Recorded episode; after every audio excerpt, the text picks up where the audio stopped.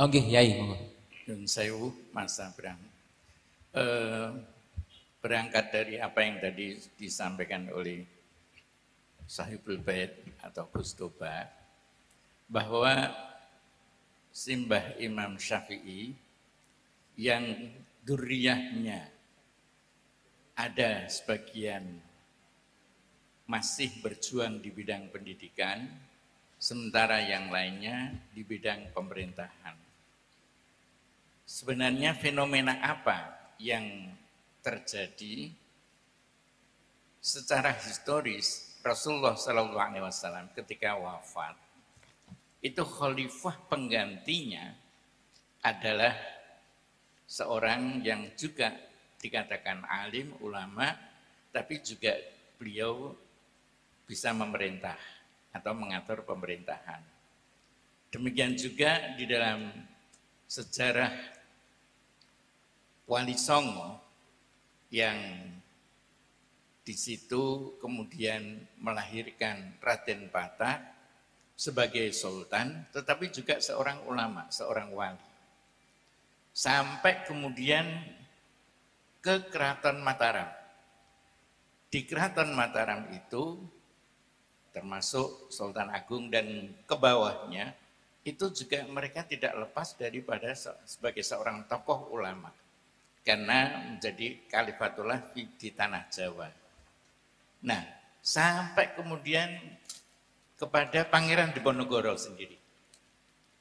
Kalau panglimanya saja ada orang-orang seperti Mbah Imam Syafi'i ya, yang ada di sini, kemudian Mbah Dalhar yang ada di Gunung Pring, dan yang lain-lain masih banyak. Itu panglima-panglima di daerah yang keulamaannya tidak bisa disangsikan. Betul-betul dia ulama.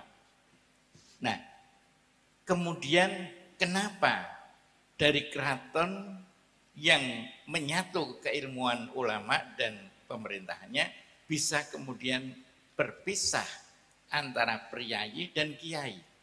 Konon sebenarnya adalah satu.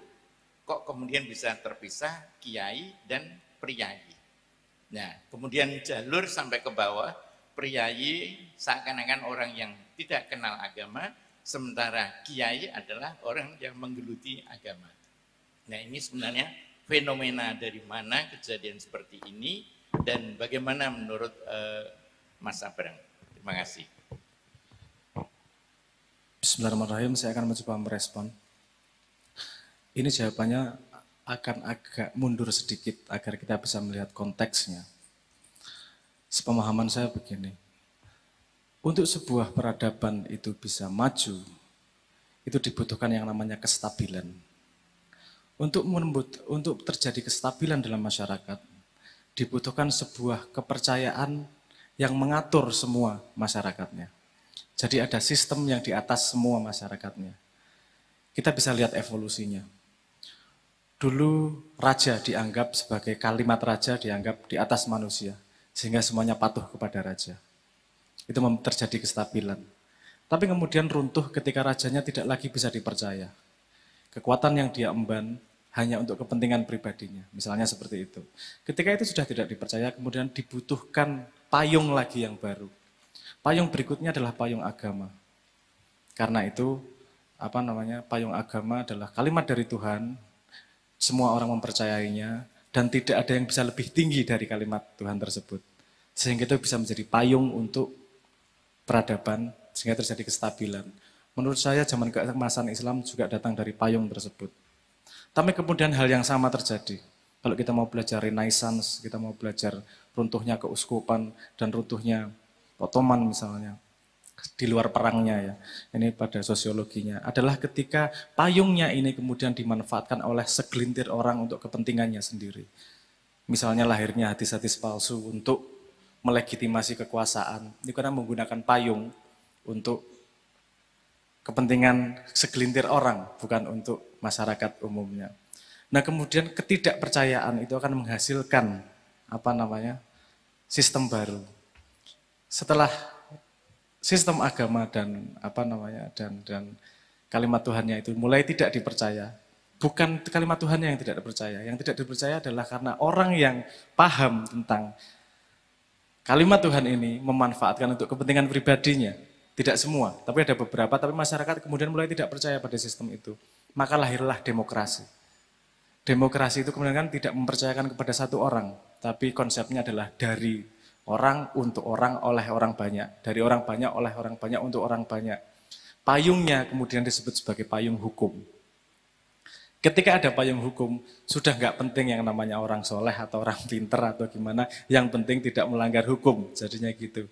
Makanya kalau mau melihat statistik, misalnya kalau di Amerika itu 60% dari senat adalah pengacara, karena mereka yang paling paham hukum dan paling bisa memanfaatkan hukum.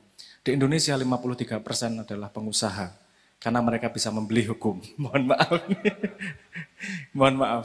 Jadi ketika hukum yang seharusnya sama, supremasi hukum, konsep supremasi hukum itu di atas semua orang, itu berjalan, masyarakat akan stabil.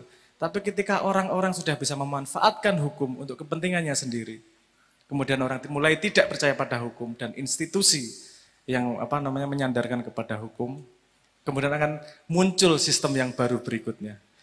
Mohon maaf, ini kita sedang mengalami zaman itu. Karena seluruh dunia sedang tidak percaya sama yang namanya hukum. Kalau anak-anak muda ini mumpung santri, kudu ngerti gue. Sekarang muncul yang namanya blockchain, yang namanya kripto.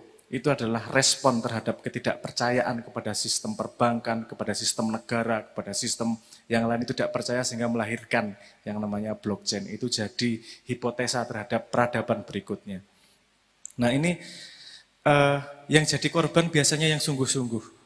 Ketika hukum naik, yang sungguh-sungguh orang pandai alim ulama hukumnya tidak berdasar hukum manusia, ikutnya hukum Tuhan. Dan hukum Tuhan tidak diakui di sistem yang baru tersebut, karena sistem yang baru lebih menghargai hukum undang-undang yang dibuat oleh DPR yang entah IQ-nya berapa.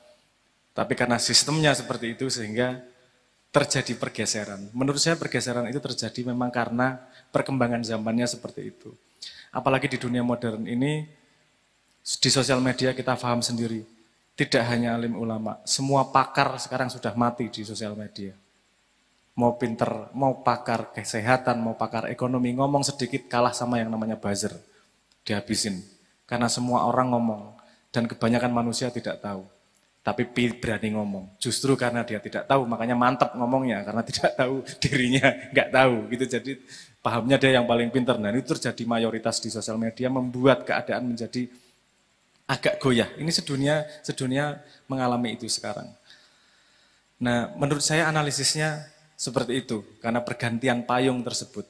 Ketika payungnya masih kalimat Tuhan, alim ulama itu bisa menjadi apa pemegang kekuasaan sekaligus. Tapi ketika payungnya berubah menjadi hukum, keilmuan tidak lagi berhubungan dengan payung tersebut. Mohon maaf kalau tidak jelas pemahaman saya analisisnya seperti itu.